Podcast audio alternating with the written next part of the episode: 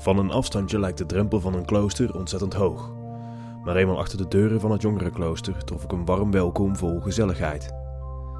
Wanneer je er lang genoeg blijft, vind je een hartstochtelijke zoektocht naar God. Twee jaar lang was het jongerenklooster mijn thuis. Samen met een tiental twintigers bouwden we een kloosterfamilie en kwamen we vier keer per dag, zodra de klokken luidden, samen in gebed. Onze week bewoog om de stille structuur van het kloosterleven. Één van ziel en één van hart. Iedere kerstverse kloosterbewoner gaat door een periode van vorming. In het jongerenklooster zetten we daar één ochtend in de week voor apart. Dan groeven we met monnik of non naar schatten van kloosterwijsheid en reflecteerden we op de kracht van stilte. Zo kwamen we tot de onwaarschijnlijke ontdekking dat het kloosterleven juist voor twintigers toegevoegde waarde heeft. Ik ben Tim en samen met Mirjam nodig ik je uit om één uur in de week apart te zetten. Om dwars door de wonderenwereld van kloosters op zoek te gaan naar God. Vandaag gaan we het hebben over de gelofte van zuiverheid, in de volksmond ook wel het celibaat genoemd. Hoe gingen wij daar eigenlijk mee om in het jongerenklooster?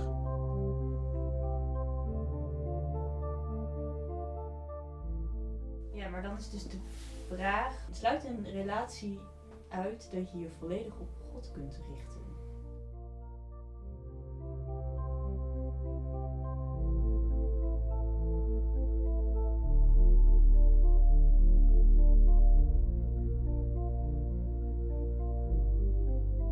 Ja, leuk dat je weer luistert naar alweer de derde aflevering in onze serie over de drie kloostergeloften. We hebben het uh, de vorige twee keer al gehad over gehoorzaamheid en over armoede. En dan zijn we nu dus alweer aanbeland bij die laatste gelofte. Namelijk de gelofte van kuisheid. Uh, misschien heb je wel op deze aflevering geklikt omdat je dacht, oh, uh, kuisheid, oeh, uh, interessant. Weet je wel, gaat altijd iedereen een beetje wiebelen van dat thema. En hoe doe je dat dan in een klooster? En hoe gaat dat dan in een klooster? ja, ik weet nog wel, toen ik, toen ik in het jongerenklooster ging wonen en dat dus aankondigde in mijn studentenkringen in Groningen. Ja, dan zie je mensen eerst een beetje zo knikken, zo, oh, oké. Okay een klooster. Nou, daar hebben ze dan al even over geslikt. En dan komt er altijd de vraag: En um, mag je dan daten? Nou, en dan komt er daarna heel voorzichtig de vraag: En een vriend dan? En dan sommige mensen die vragen het gewoon uh, recht voor zijn raap. Hebben jullie dan ook seks? Ja, en dan uh, moet je dat altijd uitleggen van ja, maar het jongerenklooster, dat was niet een klooster met de drie geloften van gehoorzaamheid, armoede en, en kuisheid. Maar in echte kloosters doen ze dat inderdaad wel. Maar ik denk dat dit toch wel de grote reden is, ook toen ik in het jongerenklooster zat en we hadden het over intreden en zo, was toch wel vaak de eerste reden die genoemd werd om dat niet te doen ja, maar ik wil graag een relatie en ik wil misschien ook wel een gezin starten. Hè? Ja, ik denk niet dat ik zonder zou kunnen. Dus ja, zijn ze in het klooster nou gewoon gek geworden of zit er toch echt wel een logische redenatie achter? Ja, hoe zit dat eigenlijk in kloosters? Waarom, waarom, zou, je, waarom zou je celibatair gaan leven? Waarom zou je daar als uh, mens van vlees en bloed vrijwillig voor kiezen? Hoe zit dat eigenlijk in die, in die constituties van de kloosters? Waarom kiezen ze daarvoor? Nou ja, dan trekken we de constituties er maar weer eens bij. In dit geval de constituties van de fraters van onze lieve vrouw moeder van barmhartigheid. Oftewel de fraters van Tilburg. En daar lees ik best wel mooie dingen. De Heer roept ons bij naam. Ieder weet zich persoonlijk geleid tot een leven van religieuze zuiverheid. Wij binden ons in trouw aan Christus en aan zijn kerk en we proberen die trouw eerlijk te beleven. Ons ongehuwd zijn omwille van het Rijk Gods moet door liefde gedragen worden, om vruchtbaar te zijn voor anderen. Om uit onszelf te treden en met respect tot de ander te gaan, wordt van ons een groeiende onbaatzuchtigheid gevraagd, onze beschikbaarheid voor de medemens. Dus, dus ook hier um, uh, gaat het eigenlijk niet zozeer om uh, om geen seks of zo. Het gaat erom dat uh, als je. Het, het gaat er eigenlijk gewoon om dat een vaste relatie het eerste in je leven is. Dus op het moment dat jij een, een vaste relatie aangaat, dan is dat de basis waarop je de rest van je leven uh, inricht. Dus ehm, ik ben getrouwd met Jacqueline en er zijn kinderen van gekomen. En dat is vanaf dat moment het belangrijkste in je leven. En als je daarnaast ook nog een gemeenschapsleven wilt, dan zal dat gemeenschapsleven moeten passen bij de eisen die je gezin aan je stelt. En ik moet zeggen dat dat op het jongerenklooster ook best wel eens uh, ingewikkeld was toen we daar woonden. Dus dat als je, uh, hè, bijvoorbeeld als er iets met een van de kinderen is, of je, en je bent eigenlijk nodig als vader, maar dan gaan de klokken, dan hang jij weer aan die bel. Ja. En, en, uh, en ik hoorde, dat is, op een gegeven moment hoorden we gewoon wie de klok luidde. Dus, um, en, en, de, en dan moet je uh, elke keer kiezen van ga ik naar dat gebed of gaat mijn kind, mijn vrouw, nu voor. Um, dus getrouwd zijn in een klooster is best wel ingewikkeld. En ik ik weet eigenlijk niet hoe jullie dat ervaren hebben. Want jullie zaten natuurlijk... Kijk, wij woonden in een, in een, een soort dienstwoning uh, ergens anders in het complex. Maar jullie woonden echt bij elkaar. En uh, uh, nou, er waren bij jullie ook mensen die een relatie hadden. En, hoe, hoe, ja, hoe werkte dat? Ja. Het was zo dat er niks over gezegd werd. Of dat is misschien niet helemaal waar. Maar er waren in ieder geval geen regels over. Dus we hadden daar geen standpunten over. En uh, er is in het begin van het jongerenklooster staat het mij bij dat er ook nog is nagedacht over dat er eventueel koppels in het jongerenklooster zouden komen. Dus dat die dan een, een grotere kamer met z'n tweeën konden, tweeën konden betrekken. Dus dat gaf al aan, en dat is nooit gebeurd, maar dat gaf al aan dat er daarover geen strikte regels werden um, nageleefd of, of enforced, of in ieder geval. Mm-hmm. Dus er is, het is daarin heel vrij geweest. Dus als iemand vraagt, mag je dan ook een vriendin? Een vriendin uh, dat, of een vriend, dat uh, zou zeker mogen. Ja, dat, dat was ook heel normaal. Maar ik heb nooit een vriendin gehad in het klooster. Uh, dus ik heb er ook nooit last van gehad dat dat met elkaar ging en dat dat op bepaalde dat dat een spanning zou veroorzaken. Nou, ik had dus wel een poosje een relatie in het klooster. Ik heb dus een tijdje in het klooster gezeten zonder relatie. En een tijdje in het klooster met een relatie. En wat adviseer je nou mensen die het jongerenklooster... die denken om het ja, jongerenklooster nou, te gaan? Ik merkte ook wel... Kijk, we hebben natuurlijk ook in het jongerenklooster uh, stelletjes uh, binnen het klooster gehad. Dus twee mensen van de gemeenschap die met elkaar een relatie kregen. En ik had een relatie met iemand buiten het klooster. En ik denk dat daar ook nog wel een verschil in zit. Ja. Maar um, ja, ik weet niet of ik het kan adviseren als ik heel eerlijk ben. Want ik heb wel, zeker in het begin, weet je wel, dan is alles nieuw en denk je, wow, wow, dit is echt heel tof, deze relatie, dit, dit.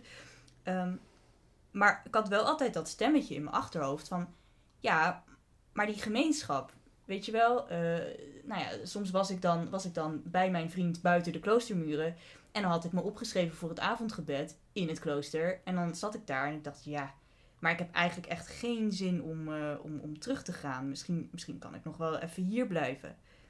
Maar dan dacht ik, ja, maar, maar de gemeenschap dan? Ja, ik wil toch ook, ik wil er ook zijn voor de gemeenschap. Um, en ik wil daar ook uh, wel mijn steentje aan blijven bijdragen. Ook al heb ik dan deze relatie buiten. Ja, dus die, dat conflict van die prioriteiten, wat ook in die constituties wel, denk ik, beschreven wordt, ja, dat heb ik wel gevoeld. En ik denk als je binnen het klooster een relatie hebt, dat hadden we natuurlijk ook een poosje. Uh, ja, ik vond dat wel ingewikkeld. Uh, ik, was, ik was dan niet zelf onderdeel van die relatie. Maar ja, je zit dan in een gemeenschap en twee mensen die hebben dan iets met elkaar. Dus die hebben een, een specialere band met elkaar dan, uh, ja, dan, dan de rest van de gemeenschap met die mensen heeft. En je wil die mensen dan ook hun ruimte gunnen. Je wil uh, hun, hun filmavondjes respecteren.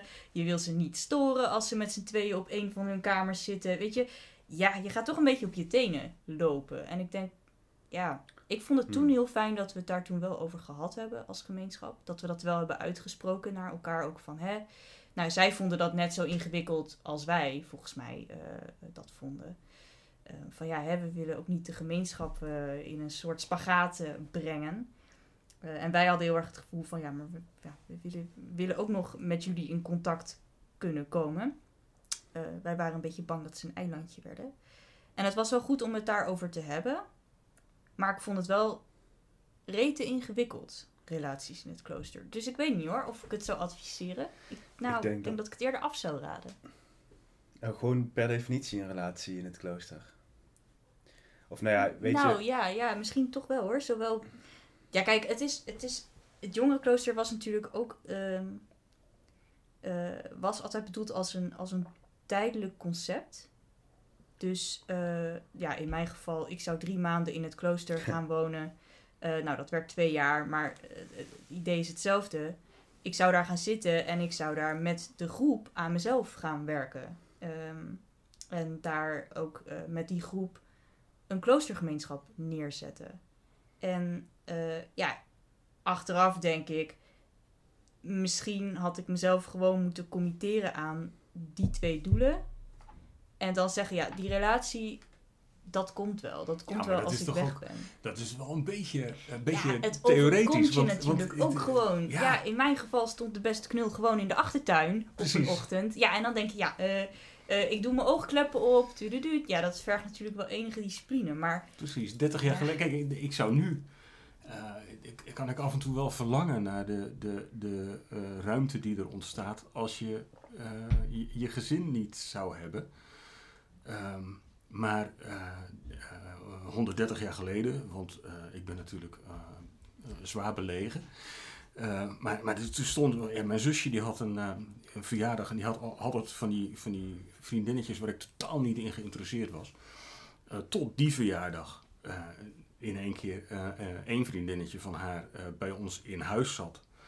En dat was binnen drie seconden raak. En ehm, ja, dat gebeurt je gewoon. En is dan gemeenschapsleven per se onmogelijk? En wij hebben bij het jongerenklooster gezegd van nou, je woont eh, in principe eh, tijdelijk. Hè? Zeker toen in die beginfase zeiden we van nou een jaar. Eh, inmiddels vinden eh, een heel aantal mensen het zo leuk en waardevol dat ze nou, dat wel als levensvorm eh, eh, verder willen verkennen. Zij het natuurlijk nog niet met een gelofte van dit gaan we voor eeuwig doen. Ehm,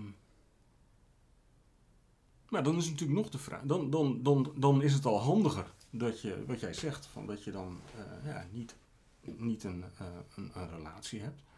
Maar aan de andere kant, ja, het, het moet toch ook gewoon. Weet je, ehm, je, stel nou, ehm, ik zou priester mogen worden. Ik ben dominee, een, een protestantse dominee.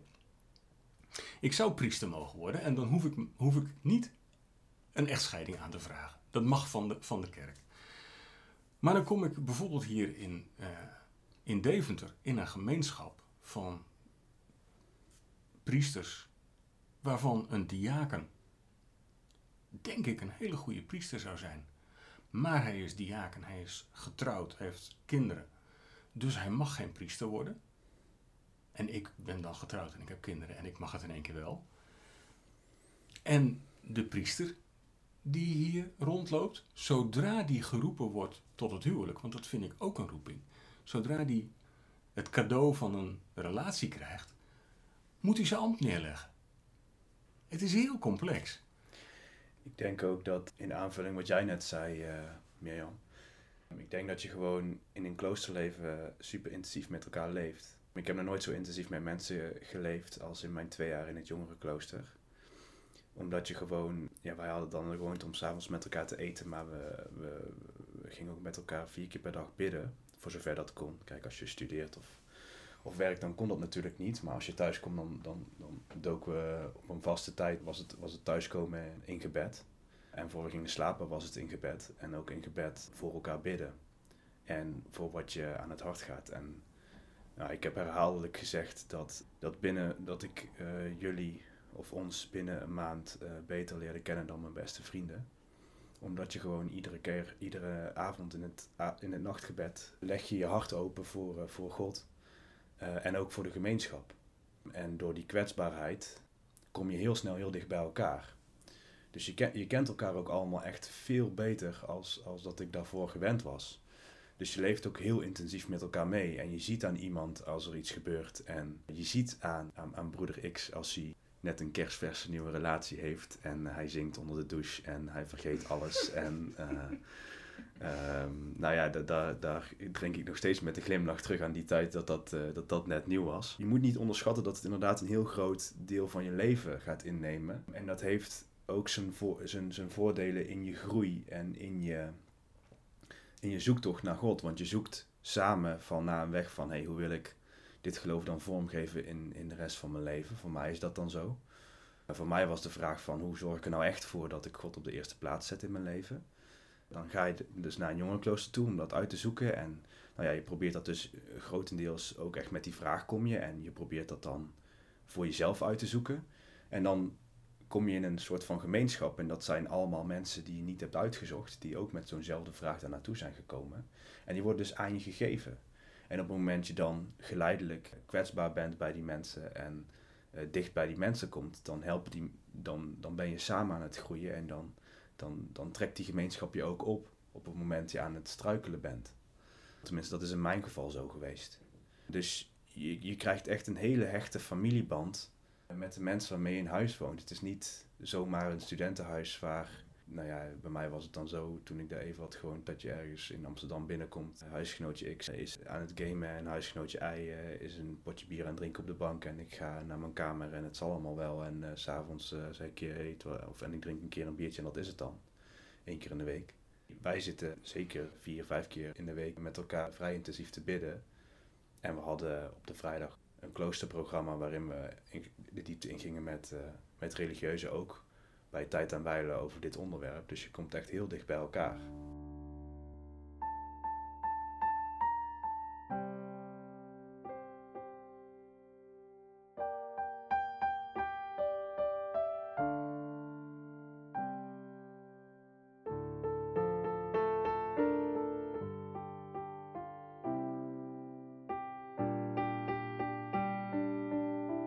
Heeft het, heeft het geholpen, als ik vragen mag, uh, dat jullie de selectie niet zelf deden? Ik heb, ik heb Oh. nu. Uh, Mij wel. ik, heb, ik heb van de week twee, twee gesprekken gehad met, met mensen die heel graag bij ons willen komen wonen als we weer een huis hebben. Um, en toen was voor mij opnieuw de vraag: van ja, hoe doen we dat? Ja, de, um, het is heel gek. De, de, de, het team, het begeleidende team, uh, deed in de uh, pioniersjaren de selectie. En dat is eigenlijk gek, want in een, gewoon in een studentenhuis, dan kom je gewoon, uh, hoe heet dat? Kom je, Hospiteren. Hospiteren. Hospiteren. En dan is het, en dan is het van, Ja, staat jouw snoet me aan? We Of, Ja, we hebben daar in ja. Brabant een ander woord voor. Dat noemen wij de vleeskeuring. Nou, Kijk. ja, ja, en je moet Nou ja, natuurlijk dat- ook een goede fles wijn meenemen dan. Of Ja. goed, goed speciaal bier in ons geval. De, Ja. Ik heb eens ooit een, een, een, eh, een anekdote gezien, inderdaad. Een filmpje, een anekdotisch filmpje van iemand die dan eh, komt. eh, oh ja, ik heb nog een Playstation, maar die gebruik ik eigenlijk niet meer nooit. Maar die zal ik wel meenemen. En ik hou heel erg van schoonmaken. En. Ja, ja, ja. zo, Ja, ja, ja, ja. Zo, dat iedereen zo terugkomt en overdreven leuk probeert te doen. Omdat er natuurlijk altijd woningnood is. En, Ehm, maar maar aan de andere kant heb je dan wel controle, enige controle, op eh, wie er bij jou binnen gaat komen. Want je gaat toch vrij intensief met elkaar leven. Ja. En wat jullie net zeggen is, het jongerenklooster is knetterintensief met elkaar leven. Mhm. En degene met wie je dat doet, wordt voor je uitgekozen. Ja, ja, er zitten twee kanten aan. Nou, we hadden natuurlijk wel op het moment dat eh, het team dan eh, iemand soort van... eh, nou, dat als iemand door die vleeskeuring was gekomen bij het team, dan... We hadden geen vleeskeuring meer, alsjeblieft. Nou, wij waren er niet bij, Tim. Wij zaten niet in het team, dus we weten dat helemaal niet. Misschien denk- heeft het team wel aardig wat flessen wijn achterover ja, gedrukt en eh, kwam, kwam er dan iemand bij. Ik Maar kan goed. in alle oprechtheid zeggen dat het team een geestkeuring heeft. Oh, gedaan. een geestkeuring. Dat een Nou, wij deden, wij deden daarna dan... Nou, maar daarna kwam... Ik vroeg de- me al ja. af hoe die hele muur bij jou vol met flessen wijn kwamen, broeder Ja, ja, ja. Catrinus. Maar nu begrijp ik... Dat is het de al- geestkeuring, ja, ja, ja. Nee, maar ik... ik ehm, ja, de- als jullie dan diegene Oh, oh, hadden oh. goedgekeurd, dan kwam diegene wel altijd nog even proeflogeren bij ons. En dat vond ik wel heel fijn, omdat ja, soms merkten wij dan ook al wel direct van, nou, ik weet het niet zo met deze, deze persoon. En dan konden we dat natuurlijk ook wel zeggen als we het echt niet, eh, echt niet zagen zitten. Maar ik heb het wel, het had echt wel een charme dat ik dus eh, als een van de eerste bewoners van het jongerenklooster in een club kwam. Ja, ik had die mensen allemaal nog nooit gezien. En dan op 1 september had ik mijn spullen verhuisd. En dan zat ik daar aan de keukentafel met, eh, met een paar anderen die elkaar ook allemaal een beetje zo schaapachtig aankeken. Zo van, nou, eh, wij gaan dus met elkaar eh, wonen vanaf vandaag. En in het begin denk je dan, oh shit, toch niet met deze mensen. Omdat het allemaal mensen waren die ik nooit van mijn leven had uitgekozen. Maar ik, ik heb daar ook wel van geleerd. Nou ja, omdat je dus wel heel intensief met elkaar gaat samenleven. En je dat gemeenschappelijke doel hebt van... Wij gaan met elkaar bidden en we gaan ons proberen op God te richten. En we gaan met elkaar uitzoeken eh, wat God van ons wil. En omdat je dat gemeenschappelijke doel hebt, maakt het eigenlijk niet meer zo heel veel uit eh, of je iemand wel of niet hebt uitgekozen. Sterker nog, ik heb daarvan geleerd dat juist de mensen die je niet zou uitzoeken, wel heel veel voor je kunnen gaan betekenen. Eh, en dat je dus mensen kunt accepteren op basis van dat je samen eh, ja, een hoger doel aan het zoeken bent. En dat je mensen kan accepteren omdat ze nou ja, allemaal door God gemaakt zijn. In plaats van eh, welke interessante studie doe jij en match dat een beetje met wat ik aan het doen ben. Of eh, hè, welke muziek luister jij? Ja, anders kom je er bij mij niet in. Zo. Dus ik denk dat het mij wel geleerd heeft om wat minder te oordelen over mensen. En jou, Tim? Ehm, wat was de vraag? nee. Nou, dat, nee, maar dat, die, Precies. Als, als, de- als jij geen vleeskeuring eh, hoeft te doen, maar eh, jij eh, levert je uit aan onze geestkeuring. Ja, dus ik, ehm, dat he- heeft voor mij heel goed geholpen, omdat als mensen dan om redenen die niet aan mij geopenbaard zijn, ehm, niet door de, geestelijke zoektocht van het team heen eh, kwamen. En ik kwam die mensen dan tegen, dan is het niet zo alsof je soort van ongemakkelijk na een hospiteeravond zegt van ja, wij, wij vonden jou niet leuk genoeg of, of wat dan ook. Eh, Maar dat lag gewoon compleet buiten onze handen. En dat gaf mij heel erg veel rust, omdat je als je zo'n keuze moet maken, dan gaat er ook een bepaalde verantwoordelijkheid meewegen. En er zijn, kijk, ik heb een ontzettend geweldige tijd gehad in het jongerenklooster. En ik zou hem nooit willen missen. Het was ook een, een ontzettend intensieve tijd. Maar er zijn gewoon heel veel mensen die, die dat ook graag willen. En dat snap ik, want dat wil ik zelf ook. En je zou dan zoiets moois iemand moeten ontzeggen om bepaalde redenen. En ik denk dat bij zo'n keuring hoort een bepaald gevoel van verantwoordelijkheid. En ik ben ergens, eh, weet ik van mezelf, dat ik gevoelig ben voor kijken naar, naar het individu en zeggen van ja, weet je, ik snap dat jij heel graag wil, laat het maar gewoon aanzien en proberen. En wat dan eh, eventueel vervelende gevolgen zou kunnen hebben voor de groep die er al is. Waardoor je het, het mooie wat er is misschien eh, een stukje laat ontsporen. Ik moet er wel bij vertellen, eh, als, als teamlid, zeg maar. eh, Ja. eh, ik was niet degene die de, die de intakes deed hoor. Maar, ehm, maar bij ons was echt de, de, het, eigenlijk het enige criterium. Eh, heb, je een, heb je goede reden? Wil je, kun, kun je het klooster gebruiken om, eh, eh, nou, om een doel na te streven? En ben je zelfstandig? Kan je het aan? Dus ehm, je moet, maar dat zal jullie ervaring ook zijn, je moet best. zeg maar, je kan, je kan, we zijn geen therapeutische sessie. Dus we zijn niet eh, bedoeld om mensen die wankel zijn eh, te steunen. Want het kloosterleven is zo intensief dat als je wankel bent, dan keert het zich tegen je of zo. Of dan wordt het alleen maar moeilijker. Het is best, eh, best een, ehm, een hele radicale, vorige keer ook gezegd van zo'n zo'n rebelse levensvorm. Ja, dat moet je wel kunnen. Dus da- dat is eigenlijk het, het, het enige waar we op geselecteerd hebben. eh, de mensen is van, eh, zou eh, diegene in staat zijn om zelfstandig, sterk, ehm, ja, iets toe te voegen aan de kloostergemeenschap? Kijk, dat wil natuurlijk niet zeggen dat je nul, nooit nul problemen hebt gehad of dat je niet psychologisch in de knoop kan zitten. Maar dat wil bijvoorbeeld meer zeggen dat je in staat bent om daar zelf, mocht dat het geval zijn, hulp bij te zoeken en dan ook te weten dat die hulp buiten het klooster is.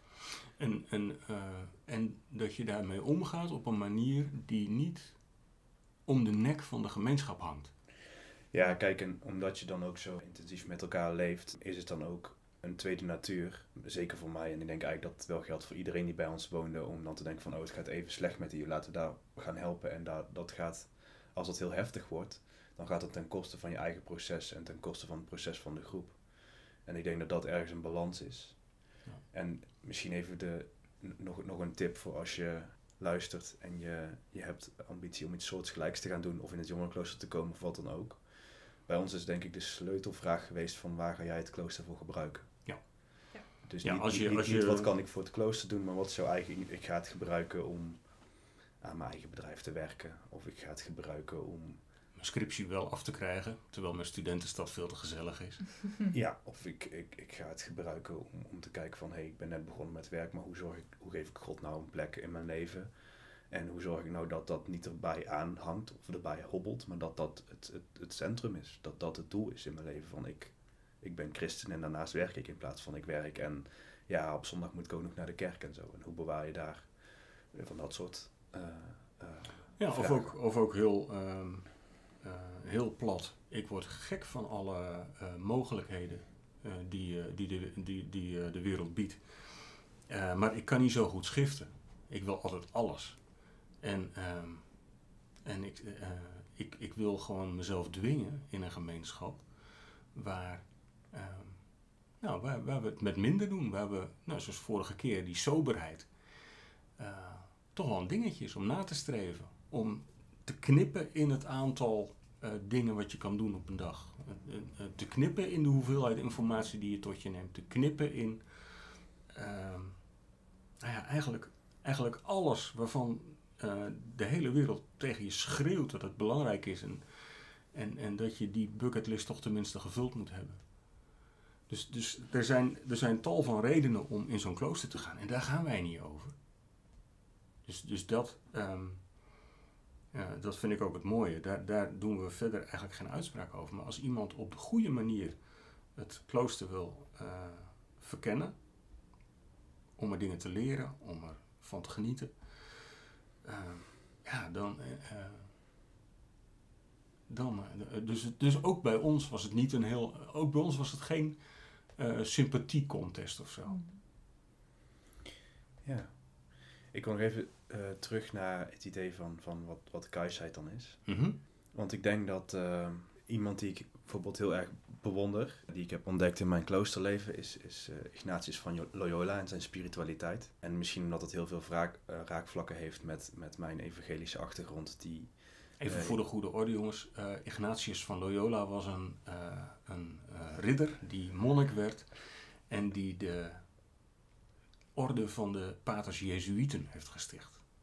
Ja, precies. En zijn eh, spiritualiteit is heel erg gericht op, eh, op het persoonlijk maken van de Bijbel, van het schrift van, eh, van Jezus. En dat is iets wat heel veel raakvlak heeft met mijn eigen achtergrond als, als evangelische jongen. Maar ik denk dat hij met zijn wenkbrauwen had gefronst op het moment er een, een, een leuke jongen in jouw achtertuin zou staan. En dat hij dan gezegd had, nee, nee, ik... ik, ik, ik voel wel iets om, om dit te verkennen, maar ik zit nu eenmaal in het klooster. Ik denk dat hij juist iemand was geweest die zegt van oké, maar dit komt niet zomaar op jouw pad. Dus eh, ik denk dat dat iemand zou zijn geweest die je zou adviseren om dat te verkennen. Zeg ik in de wetenschap dat we nog een keer een Jezuïet gaan interviewen die hier misschien gigantisch voor op de vingers gaat tikken, maar Mm. dat risico neem ik dan maar even. Ja, maar dan is dus de vraag van, eh, kun je een... eh, nou ja, zit er dus een tegenstelling tussen het hebben van een relatie en God op de eerste plaats zetten, denk ik. Eh, en nou ja, dan ook nog binnen een gemeenschap, dan wil je ook nog die gemeenschap prioriteit, prioriteit geven. Je wil je relatie de prioriteit geven en je wil God prioriteit geven. Ehm, ja, sluit een, sluit een relatie uit dat je je volledig op God kunt richten. Dat denk ik niet. Eh, ik bedoel, een, een goede rela in een goede relatie zou je eerder misschien hebben dat, dat je zoektocht naar God eh, versterkt wordt. Of dat je in elk geval iemand naast je hebt die je daarin kan, kan helpen. Denk ik. Die daarin anders is dan jij en, en Ja, ja, wat gewoon heel wel, erg helpt. Ja, dingen kan bevragen misschien. Of juist wel, eh, ja, je kan steunen in bepaalde keuzes die je daarin zou willen maken.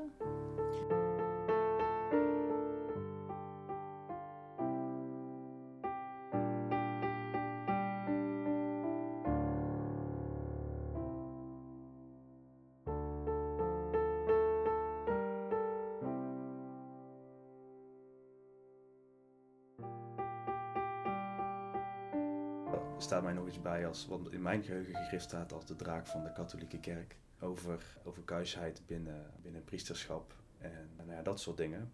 Waarover u zegt dat dat, dat dat een beetje wrijving brengt of, of een spagaat is. Ja, er zit een, er zit een, een, een, eh, een prachtige theologische gedachte achter het celibaat, die in de praktijk eh, anders uitpakt. Dus de, de theologische gedachte is dat als het jou gegeven wordt om vrij te kunnen leven zonder een partner, dat je dan in één keer heel veel tijd en mogelijkheden hebt om je te laten inzetten eh, eh, voor de kerk of voor de wereld. Of, hè, de, dus ehm, de, de pater Jezuïet die we eh, nog gaan spreken, die werd op een gegeven moment door zijn orde eh, eh, ergens in Argentinië onder een brug eh, neergezet om daar met daklozen en, en drugsverslaafden te gaan werken. En dat kon gewoon, want hij had al die bindingen niet. Ik zou dat ook wel willen, omdat ik mezelf ook wil laten inschakelen. Maar als de kerk tegen mij zegt: ga naar ehm, eh, Brazilië of Argentinië eh, en ga daar onder een brug zitten, eh, daar zou ik toch eerst eventjes voor met Jacqueline moeten overleggen. En ik weet ook niet of dat goed is voor de school van mijn kinderen. Weet je wel, dus, dus, ehm, dus, dat, maakt, dus dat ben ik heel erg met de kerk eens. Dat het een, een charisma, dat het is een charisma. Het is een geestesgave als je dat in volle vrijheid, dat verlangen naar een partner, als je dat kunt laten vallen. Het is fantastisch. Maar het punt is dat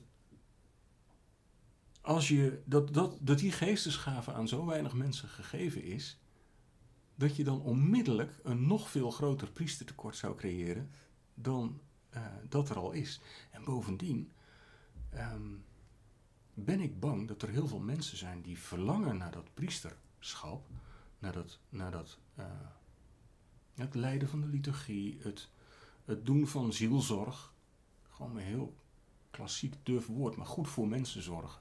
Pastorale zorg. Ja, het is fantastisch werk. Dat zeg ik als dominee ook. Dus, ehm, en die er dan voor over hebben in de katholieke kerk dat ze niet mogen trouwen. Dus die dat brengen als offer. En zo is het nooit bedoeld. Dus dan verwar je eigenlijk een charisma met, met een eis. Of met een regel. Ja, ja en in, in, in die eh, verwarring. Ik denk dat de, eh, dat, de, dat de kerk die, die zuiverheid daar wel in ehm, gezocht heeft. Maar ik vraag me af, als je, het, als je zegt van ja, het priesterschap is alleen voor mensen die deze gave gekregen hebben. En je wilt heel graag priester worden. Dan ga je zeggen, ja nee, maar ik heb dat ook, ik heb dat ook. Ja, nee, ik heb, ja, oh ja.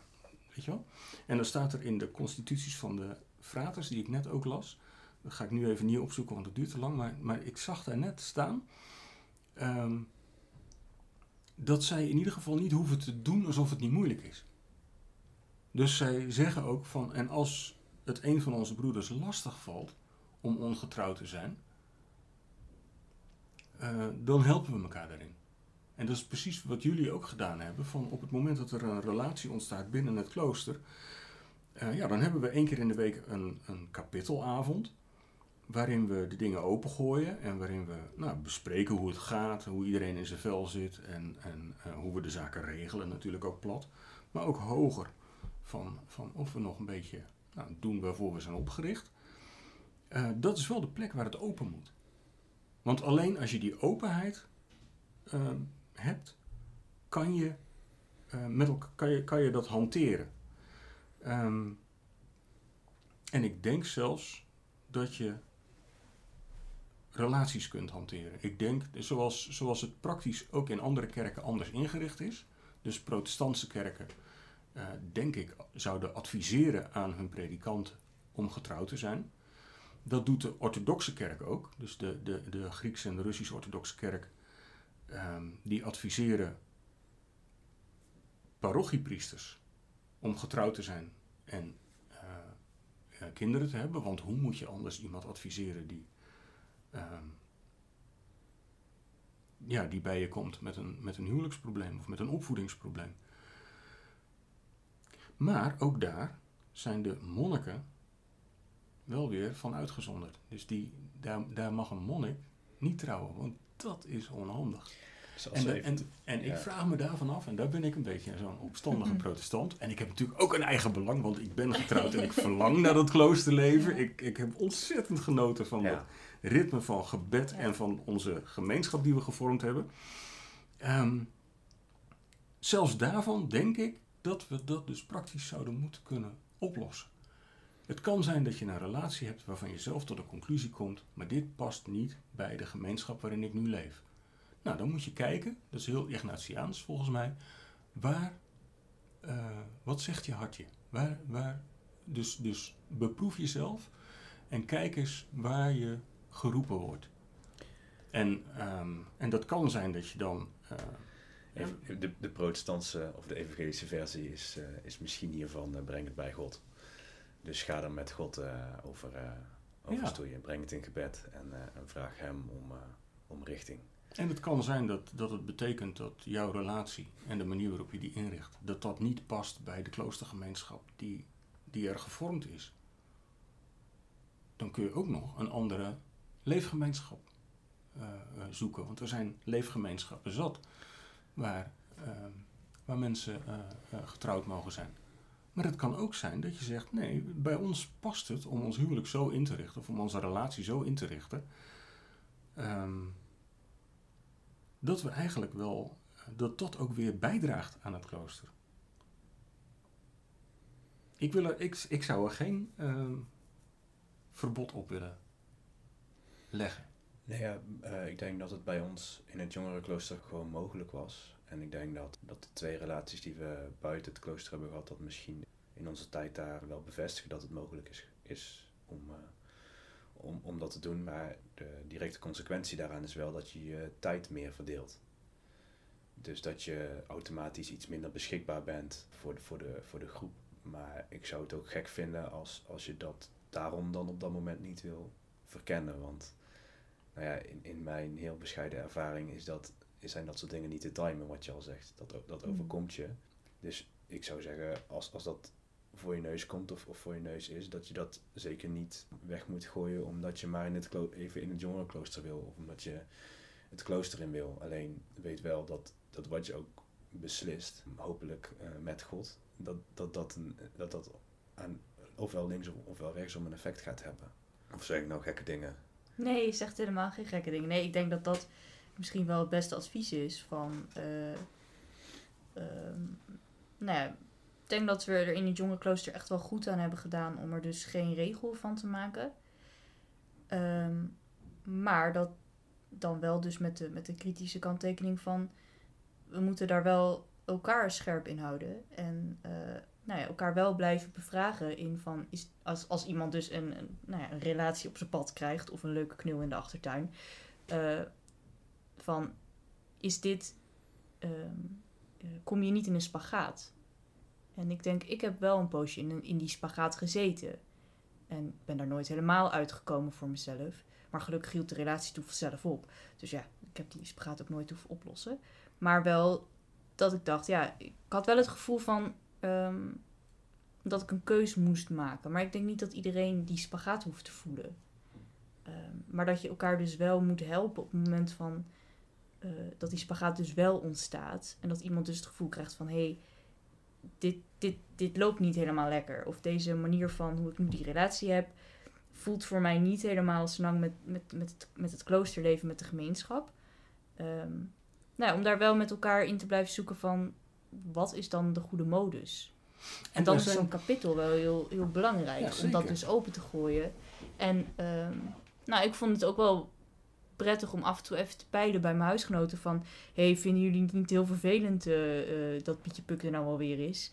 Ehm, of dat ik eh, nou ja, vanavond op mijn kamer zit in plaats van met jullie lekker achter de tv hang. Ehm, nou ja, om dat wel gewoon eerlijk te blijven vragen. En ik vond het heel vervelend als mensen dan zeiden... Nee hoor, dat vinden we helemaal niet erg. Maar dan ja, zag ik aan die oogjes heus wel dat ze dachten... Hè, Potjan Dikkie, Ben je er alweer niet? ben je er alweer niet? Weet je wel? Ja, nou ja, dat. Van, maar, maar hè? aan de andere kant, Neam, is het toch ook zo dat, ehm, dat niet iedereen eh, even eh, gebaat is bij avondjes voor de tv hangen. En, eh, en ook niet iedereen op elke, elk gewenst moment daartoe bereid is.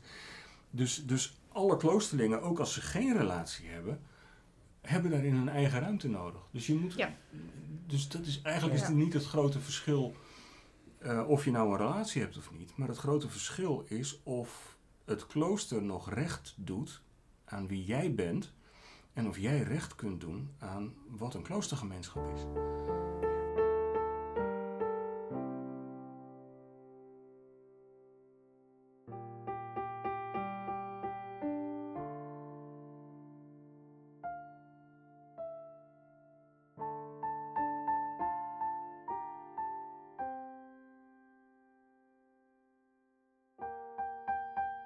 Eén broeder die, eh, die nu nog in het klooster vertoeft van ons. Die, Ja, dat is het meest legendarische verhaal van allemaal. Nou, dat, Ja, dat, ja, dat ja. mag je zelf ooit uit de doek doen.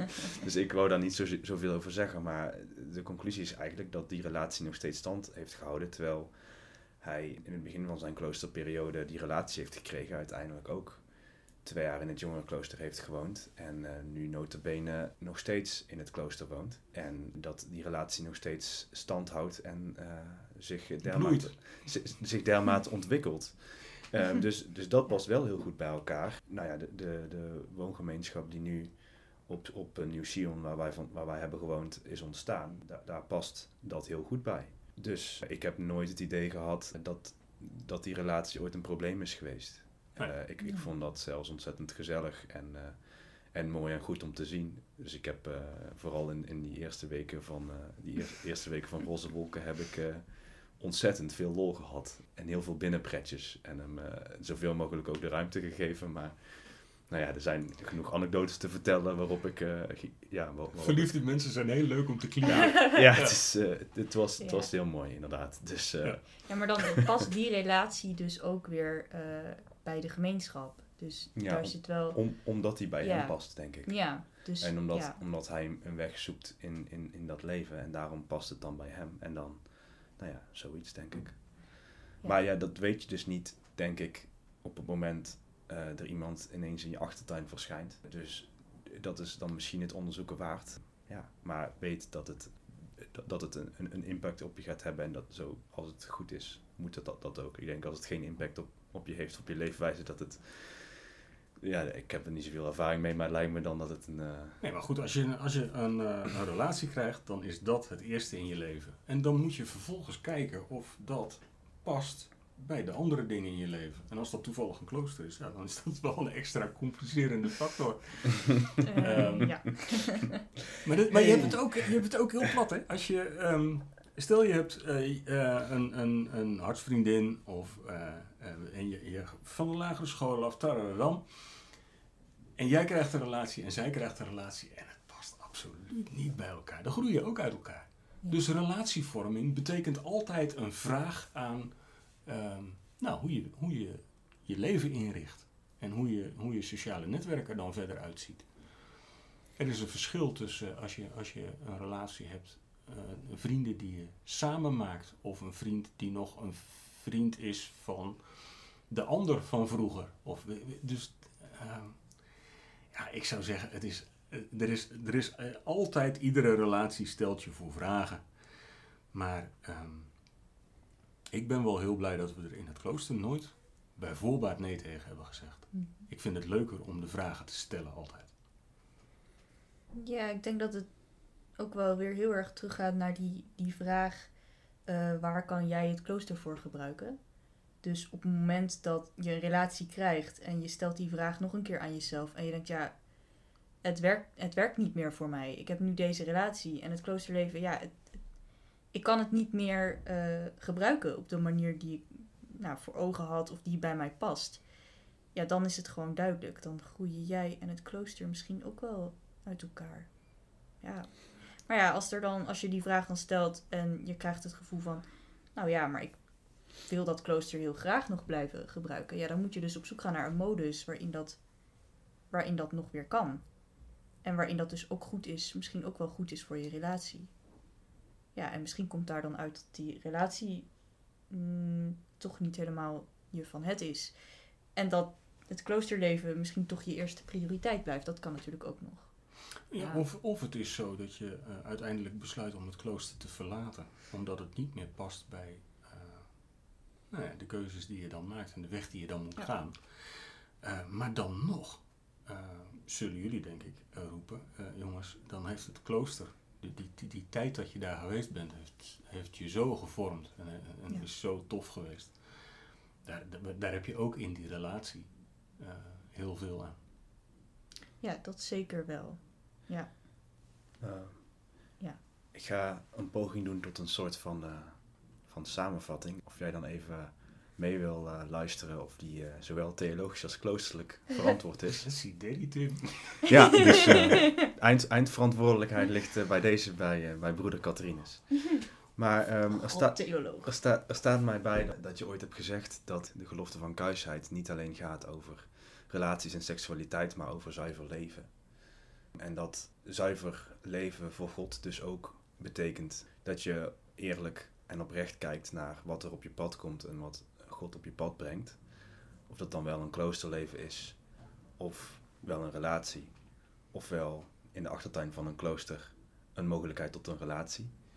Ehm, en dat je die gewoon oprecht en zuiver beoordeelt van wat dan de weg is. Dan wel één, dan wel de ander, dan wel samen. Ja, ik, eh, wel blij dat je dat zegt. Er is, eh, we hebben de vorige keer ook genoemd dat grote raam in de, in de kloosterkerk in de, in de, aan de Zuidmuur, waar de drie geloften in stonden. En daar hadden de, de Cisterciënsers hadden daar ingeschreven gehoorzaamheid, armoede en niet kuisheid. Want kuisheid gaat over seks, maar zuiverheid. En ik vind dat een veel beter woord. Dat gaat over integriteit. Dat gaat over dat als je een kloosterling tegenkomt, dat hij is wat hij is. En of dat nou getrouwd is, of met een relatie, of weet ik veel wat. Maar, het is integer. Je, eh, en dat is wat je ook zoekt in een klooster, denk ik. Dat je probeert een mens uit één stuk te worden. Een mens met een onverdeeld hart. En dat, dat ideaal is te hoog. Gaat je in dit ondermaanse niet lukken. Maar eh, werken aan dat verlangen, dat, eh, dat is voor mij wel eh, de kern van, van het klooster. Een mens zijn met een onverdeeld hart.